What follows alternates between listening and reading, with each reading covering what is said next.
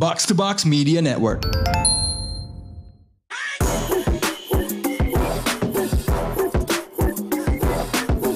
What up, what up? The most valuable basketball podcast in Indonesia is finally back. Box Out returns seperti biasa Box Out Returns. dipandu gue Raditya Alif. Um, kita sempat seminggu absen karena sebenarnya kontributor kita banyak yang sibuk, khususnya Bapak Abi. Makanya kita tiap pagi-pagi ya. Sorry. Sebelum lo sempet nyiapin bahan buat meeting Akbar ya, gue denger ya. Meeting Akbar. Closing project. Di di sela-sela kesibukan dari selama seminggu dua minggu ke belakang, lo sempet tapi lo cu- cukup cukup taat prokes ya. Jadi gue agak skeptis Hmm. you gonna do this. Tapi lo sempet ke bioskop dan nonton Pengabdi Setan 2. I don't like horror movies. Do you know how I watch? Gimana cara gue nonton film horror? Enggak, enggak, enggak, tunggu, tunggu, tunggu. Gue gak nonton. gua Sebentar, sebentar. Gue harus eh, mengklarifikasi pertanyaan itu. Eh. You don't like to watch horror movies or you are afraid of horror movies? Both. Oh, both. Yeah. Okay. Karena Does the does the latter inform the former? Eh, yes, of course. Nih, gue gimana cara gue nonton film ini, film horor? Gimana in a bright room? Enggak, gue gue baca plotnya Di, di Wikipedia. Wikipedia atau IMDb. Terus gue Oh. nonton trailernya to piece the the images in my mind. Oh, jadi lo antisipasi ya? Tapi gue gak, abis itu gue gak nonton. Oh. Selesai, that stops there. Jadi gue cerita, Oh. trailer, gue mengimajinkan sendiri, oke this is scary. Oh, oke. Jadi kayak ini ibarat kalau kalau kata Coach Justin nih fans live score ya.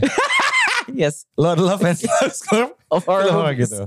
Oke, cuman maksud gue dengan pengabdi setan ya. Jadi Ah. gini, kalau kalau gue rumusnya adalah Hmm. jujur gue nonton tuh takut setengah mampus ya. I always watch with a friend or in this case sama cewek gue. Hmm. Dan gue tuh udah antisipasi gue adalah kayak defensive stance gue tuh eh, tangan kanan gue di kuping. ya. Jadi ngeblok kuping dari jump scare yang gak perlu gitu. Uh, right? And then and, and, and then my left hand is like on guard. Eh, lengan kiri gue tuh mata. di mata Ah, gitu. tapi kan emang Melindungi audio visual. emang oh kalau jamsir kadang ada suaranya juga ya. Ya kan kayak come out of nowhere gitu loh. Ya, ya, ya. Kayak lu tau gak sih dulu film Rank Me to Hell ya yang sebenarnya cukup lucu ya. Hmm. Itu ada orang India lagi ngomong tiba-tiba ada wah ada ada image setan. Itu gue nonton di bioskop. I mean sebenarnya totalitas film itu gak seserem itu, but those jump scares tuh emang Iya, tai iya, gitu. iya, Cuman iya. jump scares. cuman gue tuh nonton film Pengabdi Setan 2 dan yang Hmm. pertama lebih karena faktor yang bikin filmnya. Who? Karena Joko Anwar. Menurut gue for all of his faults, who, lo, se- lo setidak sinefil itu anaknya. no, no, no.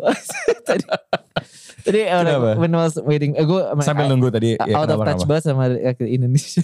Oh So, iya iya. I'm sorry iya, about iya. that. Nggak cuman maksud gue gini loh. Gue akan nonton film horor kalau misalnya sineas luar ya. Kalau Hmm. yang bikin misalnya Jordan Poole atau Ari Jordan- Aster. Jordan- Eh kok Jordan Poole? Goblok. Tunggu tunggu tunggu. Kenapa Jordan Poole? Ya Allah. Jordan Peele. Gila gue sampe mikir tunggu tunggu tunggu. Is, is- is his name Poole or is his name Jordan? Du- Gue gila abis jadi Splash Brother. Jadi Director. Splash Director.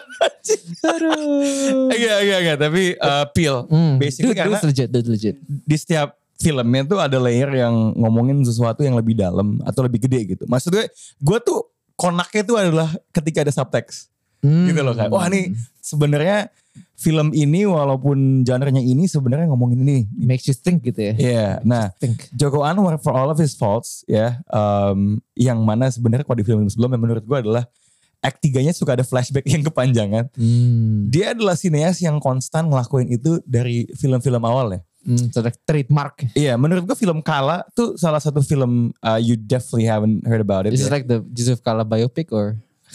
Union, Tiao. Enggak, the L is one. The L is one. Ya, Yusuf Kala. Daeng. enggak, enggak, enggak. Uh, itu selalu ada simbolisme sama ada walaupun filmnya tuh mungkin gak segede itu ya. Universe filmnya tuh berasa gede. Gitu loh, kayak Oh. merasa bahwa there are things that are happening behind the scenes gitu ketika lo tonton. That's him? Uh, Oh itu, itu Kala? Nah itu dari kala tuh udah kelihatan. Oh dari kelihatan. Nah, Pengabdi Setan kan sebenarnya dia kalau versi lamanya dia itu film serem yang minuscule kan. Maksudnya ya udah Sebenarnya itu film agama ya yang yang lama. Kan ujung-ujungnya kalau di yang 1980 Mhm. itu si setannya si Darmina kan ngomong kan aku akan datang ketika kalian berkedok agama. Jadi dia datang tuh un- untuk ngingetin lo buat sholat sebenarnya gitu loh. Endingnya tuh di masjid. Endingnya film pengabdi setan yang zaman dulu di masjid. Dan gue tahu dari tangga masjidnya itu masjid Al Azhar. ya. Lagi turun pop, pop, pop. Jadi emang ceritanya udah kebanyakan at the Iya, end. iya. Biasa kan Pak Ustadz at the end. Wah bawa obor. La ilaha illallah ulah kelaketannya kan. Serius loh? Iya iya. God. Cuma kayaknya kalau di dua pengabdi setan yang ini, Hmm. this is not much of a spoiler. Uh, Ustadznya kayaknya gak sesakti Ustadz yang zaman dulu lah. Gitu. Oh, Oke oke oke. Nah cuman gue dia agak ngembangin soal sebenarnya nih pengabdi setan tuh ada sekte yang lebih gede. Bahwa mereka tuh Oh. hinted involved dalam peristiwa-peristiwa historik yang ada di Indonesia. God damn, keren juga tuh. Itu makanya banyak yang bikin kayak teori-teorinya setelahnya. Ah yang seru juga. Iya. Gue akan gitu. baca plotnya abis ini. Gila kan. Jadi Joko Anwar akan berterima kasih karena Anda menik- meningkatkan jumlah views di Wikipedia ya. Of course. Atau IMDb ya. IMDb ya Iya. man. Mungkin buat apa ya em, penonton film kayak lo ya udah saatnya ini kan pembuat film Indonesia kan mereka tuh harus bisa dapetin dana kan. Iya. Jadi mesti nge-pitch ya. Nanti ini di, di rate cardnya Pengabdi Setan 3 ini ada eh, pasang iklan di halaman Wikipedia dan IMDb gitu ya. Ad AdSense man. Iya gitu, S3 marketing. Nah, on that note ya, That note. on that note. Menurut lo kalau di NBA ada orang yang mengabdi kepada setan itu siapa? siapa menurut lo? Ya, yang, yang kayaknya nih, It's fucking Kyrie lah siapa lagi. iya ya dengan number dengan dengan simbolismenya ya. Hmm, eh, let me check. Siapa lagi ya kira-kira ya? Coba, coba. Chat Holmgren sih dari mukanya gue yakin dia pengabdi setan sih, sih. Cungkring gitu ya. Aduh, dia, Coba, coba, dia, dia yang coba, disembah coba. kali Jen. Iya. Aduh, siapa lagi ya? Tapi kan tapi tapi Kyrie itu perfect disguise sih. Kyrie dia. Jadi soalnya kan dia uh, mengambil banyak, you know, ngomong soal bumi datar. Eh, Kayak gue tuh nggak tahu is the disguise not being in disguise. Kayak layernya tuh banyak gitu loh. hmm. Gitu. Di mana kalau dia tiba-tiba ternyata bukan muslim dan penyembah satanik gitu. By the way di pengabdi setan yang Hmm. menarik adalah depiksi dari sektenya itu kan gini. Kan gereja setan nih dulu banget waktu gue masih SD. Ya, ya, ya, ya. gue baca buku kan biasa wah apa nih teori konspirasi ayat-ayat setan gitu kan nah gereja setan kan kayak inverse dari Ini yang, gere- yang di Bandung ada gereja gurita itu that's one of the gereja setan itu kan? kok nggak salah ya Iya kan? tapi itu tapi itu kan kayak kebalikannya gereja kan jadi dia riffing off uh, simbologi Nasrani kan nah di sini beberapa gaya sektenya itu beribadah tuh agak riffing off Islam sebenarnya Hmm. jadi kayak kebalikannya sholat ya ini at least ini interpretasi gue ya Ya, ya, ya, ya. gitu. Jadi gua gua agak senang ngelihat uh, ada ada cermin untuk agama yang nggak cuma Kristen gitu loh dalam depiksi setan. On that note, Hmm. ap- apakah lu juga selalu apa ya? eh, kayak kultus-kultus pengabdi-pengabdi gitu, it's Hmm. like an apa ya, agama tersendiri kan berarti kan? Oh, gue gue tahu jawabannya Paul terkait ini. Enggak terus terus. Paul siapa? Paul Palade. Bidabel, bidabel. Oh, Oke oke. Maksud gue jadi kayak Eh. maksud gue um, kalau gue kalau Eh. gue menggunakan Eh. asumsi itu, Yeah. I would pick my man Danny Ainge, the most Mormon Oh guy. iya bener ya Mormon dia ya. Wah jemaat Dani Jemaat gitu loh. tiba-tiba di Dani Ainge Iya. ke Utah gitu kan, tinggal di ranch gitu kan. Terus cerita semua tamu nggak ada yang mau datang sebenarnya takut bakal menghilang ketika dibawa ke ranchnya Danny Ainge di pegunungan Itu gitu. dia. Lu kira- Tahu-taunya ada ada pintu rahasia. Eh itu Eh. generasi dan menurut lu apa? Apa? Menurut gua pemain-pemain NBA yang jago ke Eh? timnya dia terus hilang skillnya itu Ditukar ya, ditukar. ya. coy Iya. Itu Kepala Baphomet. Ah, IT IT ya, ya skill hilang. lu kira kenapa dia bisa jual Gobert semahal itu Ah, oh man itu di, disetatin di rumah rumah GM-nya Minnesota tiap malam datengin setan kirim iya iya iya iya iya di di Minnesota gitu ya. Tiba-tiba Gobert udah gak bisa ngeblok lagi. Kayak ah, aku hanya bisa berdiri nih kenapa nih? Ah, gitu. Space Jam shit Danny Ainge bahaya banget nih. Bahaya banget nih. Ini Bahaya, pasti ada bahaya, ada basement rahasia di Iya. Wah, ada bintang terbalik di bawah. dan, dan Kyrie ngaco sejak kapan Kyrie ngaco semenjak Boston Boston so kan. that is a correlation Oh, I like this. I like this. I like Kyrie this. boleh ke boleh ke ruangan saya nah, itu di kasih Tiba-tiba skillnya udah udah ngaco, udah cuci otak kan? cuci otak. Cuci otak, Oh udah. enggak, dia skillnya gak hilang karena dia buy into the Oh, konsep. oh, oh, gue tahu, gue tahu, bro. Dia gak hilang karena oh, IT diajak ke ruangan, oh, lo gak mau ikut, oke skill lo Iya. hilang. Nah itu, jadi kalau di pengabdi setan, Kyrie itu Ian. Dia tuh yang lu baca di Wikipedia lu tahu yang mana kan? He's the kid. Dia kan dari tadinya bisu tiba-tiba bisa ngomong kan. Tiba-tiba oh human rights gitu. Dia itu bener-bener tuh. Wah, I like this theory. Tadi yang gue mau bilang adalah karena lu- karena lo, lo bilang cult ya. Hmm. Gue keinget itu si siapa namanya P Double selalu bilang kalau San Antonio tuh cult. Bener. Nah itu pop. Imam besar pop tuh. Makanya dia tuh bersembunyi. Sebenarnya semua dia ngomong soal Black Lives Matter, anti Trump, wokeness, bla bla bla bla bla. Ada agenda. Itu pengalian isu kan. Makanya pemainnya internasional semua. Bener juga lo ya. Itu dari cabang-cabang di seluruh dunia tuh Manu Ginobili. Itu berarti Tadi Mills ngapain lo di- di- sih? dikirim buat ini ya. Iya. Buat menyebarkan Jock. Lansdale ngapain? Bener juga lo ya. Dan gue jadi eh, karena di John Timur ini kan ada Lagi beef. lagi beef kan. Dan Ah. Kalau ngeliat videonya itu jadi tengil banget. Iya. So, lagi orang lagi jatuh di tim diinin bola lah apalah. Orang lagi jaga deket di palanya diginiin bola. Iya. Tapi itu kayak jangan-jangan selama di San Antonio itu dia benar-benar di brainwash juga. Iya. Itu Paulo Banchero di unfollow tuh soalnya gak mau gabung di Ih, mata Itu dia mungkin ya. Dia marah tuh kayak abis kedang itu kayak lu gak mau gabung. God, Pengabdi setan versi NBA. Nah itu kan sektor pengabdi setan ya. Gue percaya ada satu pemain NBA ya. Dia itu sektornya pengabdi off season. Eh, karena di saat off season sudah mereda ya. Udah nggak ada berita kecuali beef yang tadi nih ya. Uh, uh, uh. Bahkan tadi gue lagi nonton. Gue lagi nggak sengaja. Bukan gue sengaja nonton ya. Gue terpapar TV One. Kan TV One tuh ketika TV menyala. Oh aku Iya, terpapar. lagi ada acara pagi gitu.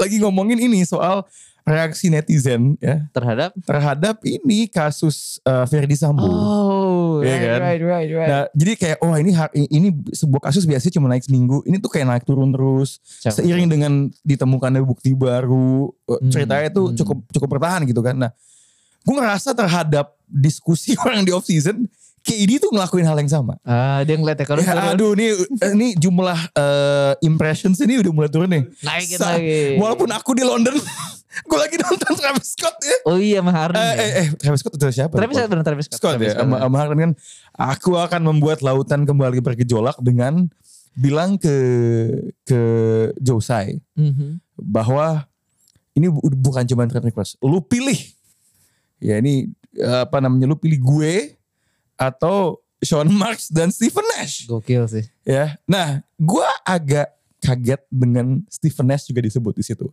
terlepas dari eh, his underperformance sebagai seorang Hmm. pelatih maksudnya kan kalau kita tarik ke belakang ya kalau kita tarik ke belakang kan katanya Steve Nash itu adalah orangnya KD Mhm. ya karena udah punya hubungan baik dari Di pas di Golden State, State, ya ya. nah jadi saya mengutip Mahfud MD kan dia bilang motif pembunuhan ini ini terlalu sensitif ya Hanya dewasa yang Nah. tahu.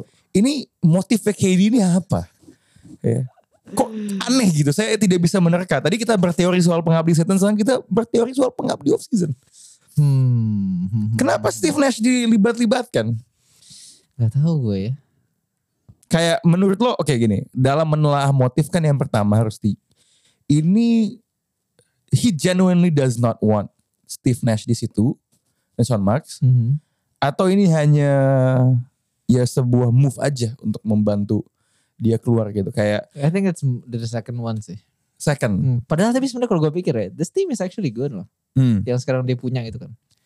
It's decent lah, you get Kyrie, Yeah. Seth. Kita udah ngomongin berkali-kali lah ya. Yeah. I mean like this is a good team actually. Nah makanya kan kembali lagi kan, kalau emang itu good team, Hmm. kenapa dia sebegitu maunya hengkang? I think he just wants to win. I, yeah, like easier. Jadi, so what you're saying is, ini kayak lagunya Ariana Grande yang dulu, almost is never enough, ya iyalah. gitu. I mean like if you're chasing, striving for greatness, the GOAT. I mean like kalau misalnya dia juara 3-4 kali lah. He Hmm. would have been in that conversation with LeBron and, and, Okay. and Jordan. Well, let's go back a bit ya. Hmm. Eh, assuming tim dia balik ke training camp ya, kan dia juga bisa main kartu ha- kar- Nggak datang. kartu Harden kan. Nggak, ya, ya. Jadi tiba-tiba kok, gendut. kok buncit gitu. gendut. kok ini kok udah kok jadi fat reaper gitu. Bukan slim kan. Fat Reaper. Kayaknya you imagine itu sekonyol apa. Soalnya kan lu gini loh, lu kalau gedein badan atau lu mau terlihat gendut, ya kan lu agak susah untuk gendutin lengan lo kan. Jadi lengan dia kecil, Tapi perutnya lu gede. tuh buncit gitu. Kayak kartun. Ya, terus mungkin dia akan eh Hmm. offense-nya akan lumayan, defense setengah-setengah gitu ya. But to your point bahwa ini tim yang decent ya. Sekarang kan di tim itu ada KD, Mhm. ada Kyrie, Ben Simmons. Ben Simmons, Still a top 25 ada player. TJ Warren, TJ. ada Royce Neal, Royce O'Neal. Seth Curry. Seth Curry.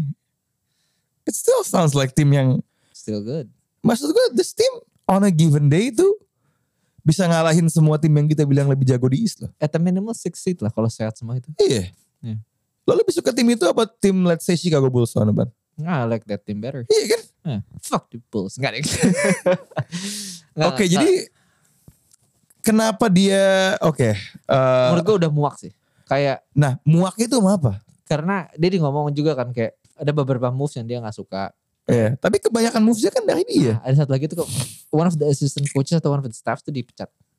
Oh, orangnya dia. Orangnya dia menurut gue itu. And he was not consulted on that decision. Di mana dia jadi kayak oh, oke kenapa ini kok dipecat nggak ngomong sama gue. So ya, yeah, Yang yang menurut lo at this point, yang dia pingin itu menang atau kontrol ya? menang. I Menang. he wants to win. He wants to win. Bikin nggak? Soalnya triggernya itu loh. Kayak apa iya nggak ada orangnya dia itu adalah yang berfaktor langsung ke kemenangan. Gini, eh, proposisi yang gue lempar tadi Hmm. bukanlah ap- anggapan gue akan intensinya KD, ya. Tapi lebih ke intensi yang dia nggak sadar, Hmm. gitu loh. Nah, Semua main pasti pengen menang, Ya. tapi gue lagi mempertanyakan manusia kan punya ego kan. Apa di balik kemenangannya yang dia pinginkan tuh adalah kontrol sebenarnya. mungkin bukan kontrol sih, tapi kayak I wanna be heard.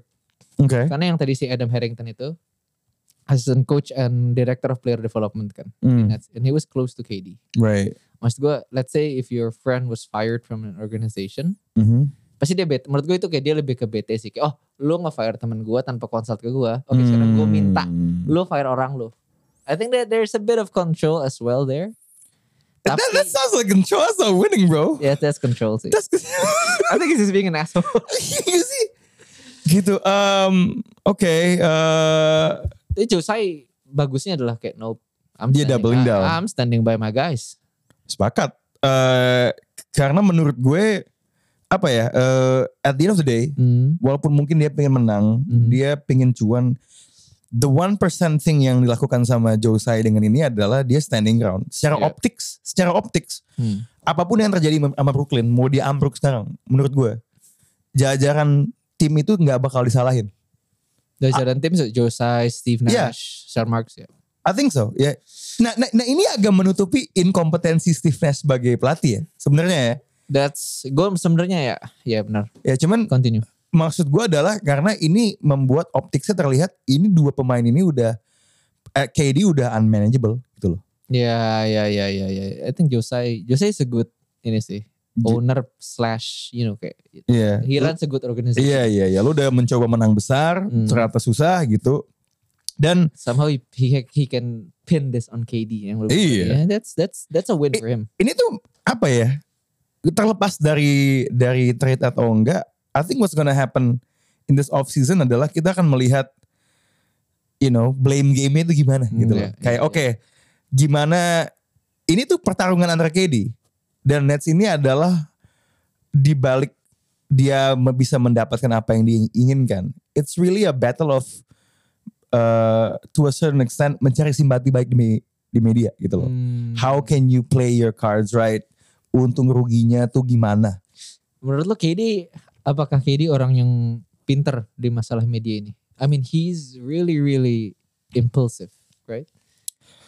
Well, Gue gak tahu dia punya PR team apa enggak, or his PR team sucks, but I mean, menurut gue dua langkah sebelumnya tuh udah Tepat. ibaratnya kalau hubungan tuh red flag. Ya. dua langkah tuh as in like Nggak usah trade trade. request, bla bla bla, komplain gitu kan ya. ya.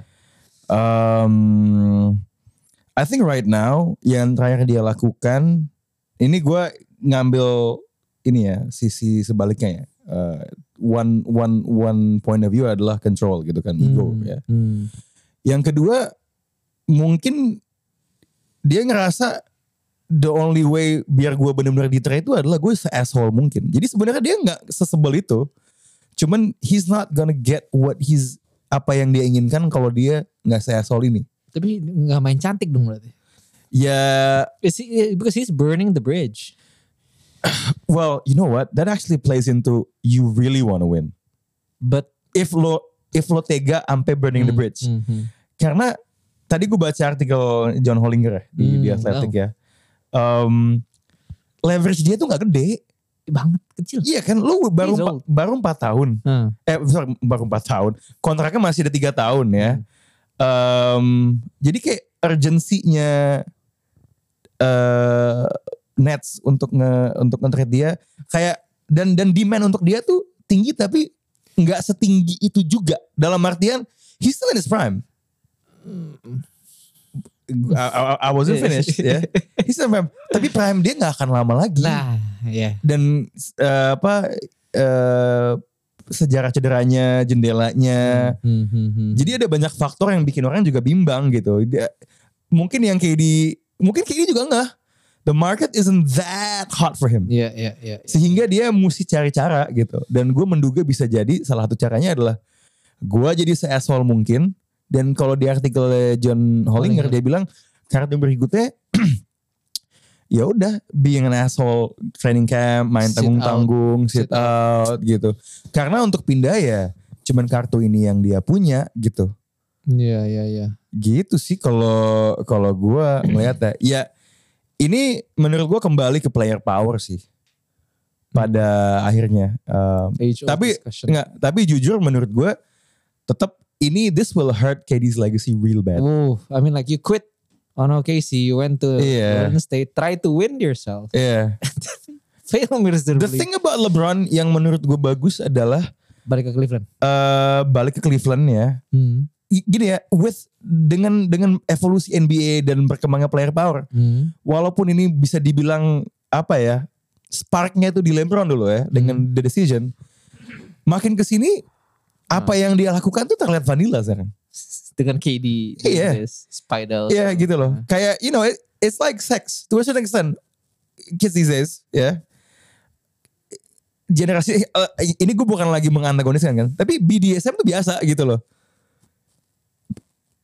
BDSM. Iya, iya. I- Kenapa tiba-tiba ada ada atas gitu ya? Enggak mesti BDSM biasa terus. Enggak, maksud gue dulu kan kayak oh ini tabu banget, people don't talk about it, right? Ah. So right, like, now yeah, OnlyFans. the- Jadi emang apa yang mungkin zaman dulu dianggap tabu, the norm has changed. iya, Yeah. udah biasa gitu loh. Hmm. At least gini, LeBron mungkin you can make the case tim tuh hancur habis dia cabut, ya. Eh, tapi memang dia punya alasan timing dia cabut itu tidak melanggar, eh, mungkin bukan melanggar bahasa, tapi tidak merasa head to head dengan kontrak yang dia tanda, yang dia tanda tangani. Dia selalu at the end of his contract bisa. Iya. Gini. Well, Ini- Paul George. Ini kalau ngelesnya Rich Paul, ini kan Hmm. ini kan kayak ke sana KD tuh nggak menghormati kontrak ya. Kalau ngelesnya Rich Paul nih, bahasanya Hmm. Rich Paul adalah Hmm. there's many layers that goes to the contract. Oke. Apa uh, defense-nya itu gitu. Jadi emang Bagus juga kata-kata ya sejak pacaran sama Adele. itu itu pembelaan dia ketika dia lagi standing up buat Ben Simmons Iya, kan anjing. iya, iya, iya, iya, iya. Cuman ya itu dia, maksud gue mungkin the takeout adalah bagi pemain-pemain for us Hmm. yang kita kerja 9 to 5 ya kita ngelihat kontrak mungkin sedikit lebih rigid kali ya. Hmm. Ada tenggangnya you you play to that. Buat pemain NBA zaman sekarang ya, walaupun kayak ini tuh lebih tua dari kita gitu ya. Dia milenial bukan Gen Z ya. kontrak tuh fluid gitu loh. KD ini KD ini sebenarnya ya, here's what I think ya. KD adalah pemain usia mil- generasi milenial Yang paling yang paling Gen Z. Iya iya iya Iya gak sih? Main Twitter, um, mm, uh, punya, and I'm not framing this negatively ya. Ini gue punya tendensi buat justru pro Gen Z soalnya. Hmm. Cuman memang dia memandang his rights seperti Gen Z. Iya iya iya. But if he can perform ya udah gitu kan. Kayak tanah tanah bintangnya banyak. Kan lu sering lihat kan kayak di HR uh, day baca. atau apa kan. Hmm. Wah lu fresh grad dia minta gaji segini segini segini sama dengan minta apa uh, budget buat healing apalah gitu ya. Nah, cuman kayak menurut gue at least at least KD lebih punya hak itu dibandingin Ben Simmons. Setuju, setuju, setuju, setuju. Gitu sih, the never ending saga of Hmm. Kevin Durant, man. seru, seru, seru. I, I like that, I like that ini sih analogy. Oke, ini One, one, sorry, one, just close, Gimana? close this off. One thing yang gue takutin adalah, Ah. bentar lagi ada CBA negotiations, Hmm. right? Yang collective bargaining agreement itu kayak true. outlining framework semua kontrak-kontrak di NBA bentuknya gimana. I think there's gonna be yang gue takutin adalah akan ada lockout karena Mhm. owners merasa pemain-pemainnya mulai nyeleneh. Hmm. Mereka tuh udah dulu dari yang CBA sebelumnya ke CBA yang sekarang itu sempat minta naik Iya. revenue kan. Basketball Hmm. uh, related income-nya porsi pemain naik. Hmm. Salary cap jadi juga naik juga terus dikasih banyak banget inilah provisi-provisi supaya pemain lebih lebih fleksibel, lebih gampang pindah. I think it's gonna be another hard negotiation karena pemain-pemainnya udah mulai seenak jidat. Menurut Itu lo takutin. poin utama yang bakal dinegosiasikan dalam perkontrakan ini dan hak-hak itu apa? Ya, I think it's gonna be like the ini sih kayak apalagi setelah Ben Simmons kemarin ya. I think there's gonna be one stipulation kayak lo harus masukin a clause in the contract or something di mana kayak harus ada third party. Kalau misalnya lu ngaku, ngaku sakit atau apa atau apa atau apa atau kayak lu nggak mau main, ya there's gonna be a clear clause di mana kayak oke, am I paying you or not? Hmm. Jangan sampai lu berkelit karena mental health and all that stuff. Terus lu pakai tim dokter atau apa, mungkin akan ada third party uh, verifier atau gimana. Hmm. Basically, Menurut gue itu fair dan menurut gue pemain kalau nolak itu agak asshole. nah itu dia makanya. Iya gak sih? Karena maksud gue kayak sekarang mungkin ada no trade clause ya dan Hmm. only 15 players in the history of Hmm. NBA punya no trade clause and one of them is Bradley Beal for some sorts atau Hmm. kenapa. Basically yang gue pengen nekenin adalah kalau nanti ya players yang nggak mau tapi gue nggak tahu in the next generation of stars who's that big of an asshole to kind of you know be voice apa voice heard of cuman Nah, I think CJ McCollum will have his hands full on kind of negotiating the next deal. Hmm, oke. Itu bakal jadi bahan yang ripe buat dia bahas di Uh, podcastnya, buat dia. Itu bak- bakal jadi gorengan di di first take sih. Feeling menurut gue nanti 15 years abis ini dia nulis buku How I Negotiated the CBA. Oh, that was my legacy ya. Pemain tuh impactnya nggak cuma di uh, title saja Oh, gitu kan, iya. tapi dalam wah dan dia bisa bilang orang tuh Kyrie yang nyamain diri dia sama Martin Luther King, that was me. Gua nih yang membawa perubahan konkret gitu. Kum- Kumisnya miripan CJ sih sama Martin Luther King. So anyway, uh, I was playing a. Do you think pemain tuh would prefer longer contracts atau shorter contracts ya in the future? Kalau NBA enaknya guaranteed money kan. Hmm. So I think longer but more fle- menurut gue yang paling ideal bagi pemain adalah longer and more flexible. Udah kayak Kredivo ya. Oh iya pasti. Fleksibel banget. nanti sebaliknya klubnya bilang, eh nanti gue bayar lo pakai pay later atau apa pakai Bitcoin. Aja pakai pay later. Oke oke oke. I want shift gears. Lo sempat Hmm. mention sesuatu dan kayaknya ini ini dari Twitter ATTL ya kemarin ya. Lo sempat Hmm. ngepost. Lo juga nyolek main basket. Shout out to Adrian Hermik ya. Yeah, yang man. main kemarin. Feeling gue yang yang lagi ngadmin main basket ketika ngebales eh lo KD ya. Iya. Soalnya kayak Sarcastic kok kok gue kok, kok, kok gue agak ngerasa gue bisa denger suara ya pas gue baca tweetnya. Kayaknya gue pernah denger point of view ini ya. Sarcastic banget tuh coba. Intinya adalah tim di World University Basketball Games. Is it World or Asian? Tapi World, world, world, karena oke. ada tapi terlalu gue lupa deh namanya apa. But basically that that that, that tim competition. tim tim NCAA US ikut. I don't know. Kalau ikut paling juga bukan NCAA, NIT atau apa gitu. Mungkin. Tim-timnya. Any- Anyway, Hmm. juaranya Filipina, Ateneo. Ateneo World University Basketball Series namanya. Sorry. Oke, itu Whoops. itu kayak UI-nya Filipina, Ateneo. Whoops. Oh ya. yang dilatih sama ya kampusnya gede tersebar. Yang dilatih sama Tab Baldwin The Baldwin. yang tadi yang ngelatih timnas Filipina ya. Hmm. itu ngebantai UPH ya tim ya ju jawarnya Indonesia Jawaranya Indonesia pak. bedanya itu udah itu skornya udah kayak komik favoritnya teman gue Andre udah kayak skor Kuroko no basket tau gak lo 100 something lawan 30 125 39. ya kan hampir 100 poin kan God. hampir 100 poin ya Damn son. Eh, lo punya sebuah kekhawatiran karena ini katanya tim Indonesia pertandingan sebelumnya lawan siapa? Oh, it- it- that's the first game. Oke, Lawan tidak berikutnya lawan, lawan menembus lawan Tokai University. dari Jepang ya? Iya. Toh ya, ya bakal sama atau worse lah kayaknya. Oh udah 3591. Ti- Oh, oh, oke. Jadi dua dua pertandingan di bawah 40. And the second one was a bit worse karena we had the same amount of points Uh-huh. as turnovers. Satu banding satu. Udah bukan rasio ini ya, assist to turnover ya. Point to to turnover ya. Nggak ada tuh stat itu. Oke. Jadi gimana tuh hasil pencarian? What happened or lebih tepatnya why does it happen? I think ini Jason yang nonton. So shout out to Jace. Oh, Jace. Karena dia half Filipino, half Indonesia. Jadi Oh jadi dia routing he buat. Ateneo. Oh gitu. uh, but basically kata dia it's the, it's just the bukan I mean like skill pemain yes. Ah. Karena maksud gue Ateneo kan very very ya emang udah kayak the Duke of Southeast Asia kali ya. Itu kayak Duke Southeast Asia tapi Duke main di conference yang paling lemah gitu loh. Kalau di US lagi invitational. Ya, ya, kayak Duke main di conference sesi itu si Grand Canyon University. GCU just a, just a D1. Eh, tapi di conference-nya sama Oh, siapa? oh ya? sorry conference ya sorry. Gue Iya, iya, iya, iya, di One. Cuman gue kayak conference-nya sama siapa ya? Gak main di Big Ten lah ya. Atau atau mungkin dia oke deh kalau misalnya salah kayak Duke main di kayak Little Rock Conference gitu loh. Eh, itu mungkin. Gitu. Ya Nah, terus But basically itu kata dia it's just quality of the plays and execution eksekusi ya. execution. Tapi one thing from Rocky tuh, Rocky Rocky was karena gue nanya ke Rocky sama main basket di Twitter itu kan. Oh gitu. Oh Rocky nyawa nih, Rocky udah aktif main Twitter lagi. Ro- Rocky karena dia udah selesai ngeliput uh, Dejounte. Anak Washington saya Rocky. Iya. Skena basket Washington De Jonte Bancero.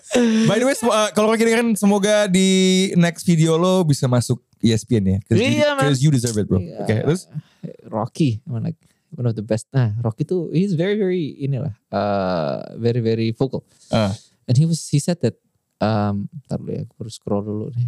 coba Rock. Rock. Wh- What you gotta say Rock? Da. Nih, Yeah. level pelatihnya terbukti di world level and talent wise it's too far. It's to One of the things he said, dan gue nggak tahu dia ngomongnya kapan. Pemain kita makin muda makin mengkhawatirkan. oh, really? Iya. Dalam segala aspek kah? I don't know, mungkin I don't know, but I mean like I think it's kemarin karena yang gue jadi sadar juga ya.